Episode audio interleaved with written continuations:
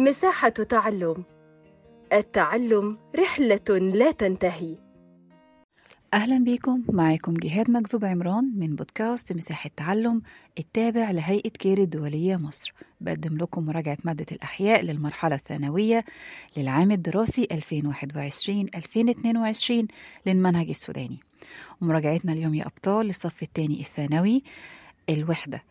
الرابعة واللي بنستكمل فيها الإخراج في الإنسان الحلقة العشرة واللي هنبدأ نتكلم فيها عن تاني نوع من الجهاز الإخراجي في الإنسان وهو الجلد. في الحلقتين اللي فاتوا تقريبا أو الثلاث حلقات اتكلمنا واستفدنا عن الجهاز البولي وقلنا بصفة عامة إن الجهاز الإخراجي في الإنسان عبارة عن جهازين وهما الجهاز البولي والجلد. استفدنا مع بعض في الجهاز البولي ودلوقتي هنتكلم عن الجلد. أول حاجة عايزين نعرف إيه هو الجلد أو لما نيجي مثلا نوصف الجلد ممكن نقول عنه إيه. الجلد ده يا أبطال بيمثل الحدود الخارجية لجسم الإنسان وكمان بيكون الغطاء الخارجي له. الحاجة التانية الجلد طبيعته بيكون متين ولازم يكون قوي ليه؟ للمحافظة على بقية أجزاء الجسم. كمان بيعتبر الجسم خط الدفاع الأول للجسم عفوا بيعتبر الجلد خط الدفاع الأول للجسم وبيختلف سمك جلد الإنسان حسب العمر وحسب الجنس وحسب آه المنطقة اللي الإنسان بيعيش فيها. تمام؟ طيب يلا بينا نشوف بقى مع بعض إيه هي تراكيب أو ما هو تركيب جلد الإنسان. في العام جلد الإنسان بيتكون من طبقتين أساسيتين. أول طبقة اللي هي الطبقة الخارجية والطبقة الثانية وهي الطبقة الداخلية.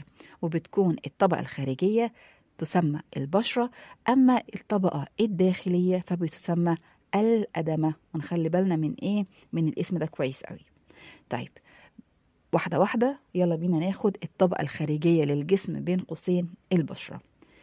البشرة بطبيعتها كمان بتنقسم إلى عدة طبقات أو أجزاء أو تراكيب.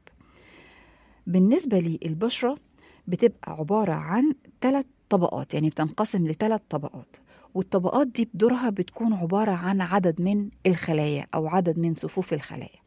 أول طبقة من البشرة وهي الطبقة العليا والطبقة دي بتكون يطلق عليها اسم الطبقة القرنية تمام؟ ودي بتكون مكونة من تجمع خلايا مفلطحة قرنية وميتة. يعني جلدنا السطحي ده كله عبارة عن خلايا إيه؟ خلايا ميتة. طيب والخلايا الميتة دي بتكون منسلخة من إيه؟ من الجسم تمام؟ على شكل القشور تمام؟ اللي كلنا بنلاحظها على أجسامنا. لما مثلا نيجي نغسل إيدينا أو مثلا لو حصل احتكاك للجلد بجسم صلب أو إيه؟ أو ما شابه. ونتيجة لعملية الانقسام المستمر للخلايا تمام؟ بلاحظ عندي إنه الطبقة الداخل الخارجية أو الطبقة العليا دي عفوا بيحصل لها إن هي إيه بتتجدد باستمرار وده بيكون راجع إنه الطبقة اللي بعدها داخليا واللي هي هنعرفها دلوقتي الطبقة الوسطى خلاياها بتنقسم وبتتجدد إيه باستمرار. يبقى ده كان أول طبقة في البشرة وهي الطبقة العليا. تاني طبقة في البشرة وهي الطبقة الوسطى تمام؟ ودي بتكون عبارة عن الطبقة الحية أو عبارة عن خلايا حية وقلت عليها خلايا حية لأنها كثيرة الانقسام. وكمان يعني إيه قبل الانقسام تمام؟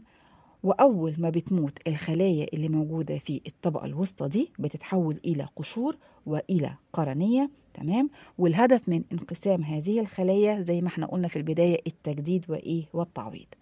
أما آخر طبقة في آه بشرة آه الجلد وهي الطبقة السفلى ودي بتكون اسمها الخلايا المولدة. مولدة حاجة كده زي الدينامو أو حاجة زي موتور.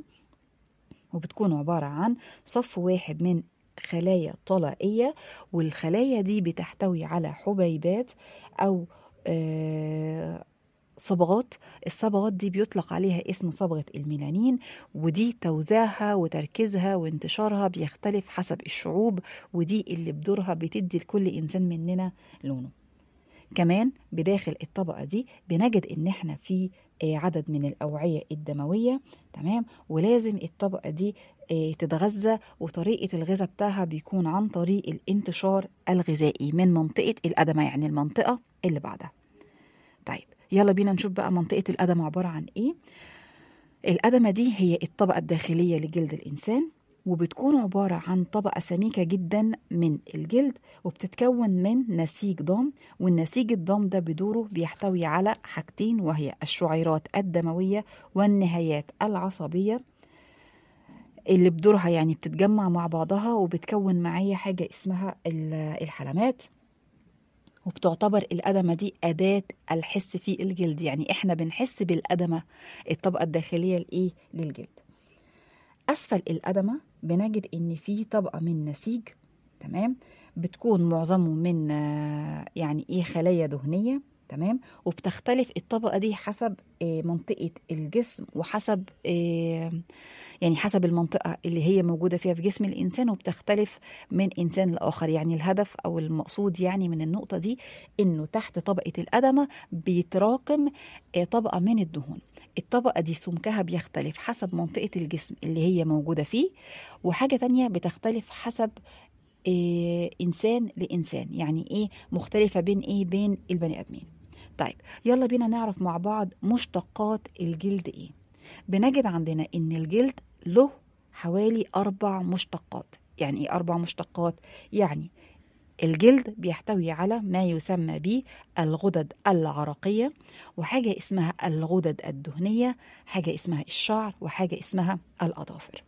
لو جينا شفنا مع بعض السؤال اللي بيقول اوصف الغدد العرقية أو ما هي الغدد العرقية الغدد العرقية دي بتكون عبارة عن لو شفنا كده عندنا الرسمة في الكتاب عبارة عن قنوات طويلة.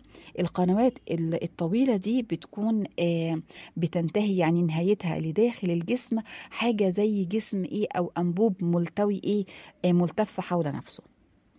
وبيحيط بيها شعيرات دموية كثيرة جدا.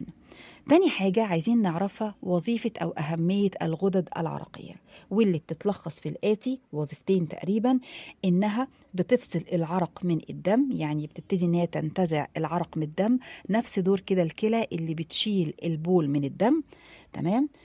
وبتبتدي إن هي تصب في آه، قناة والقناة ديت للأدمة ومن الأدمة للبشرة الخارجية ومن البشرة الخارجية لخارج الجسم.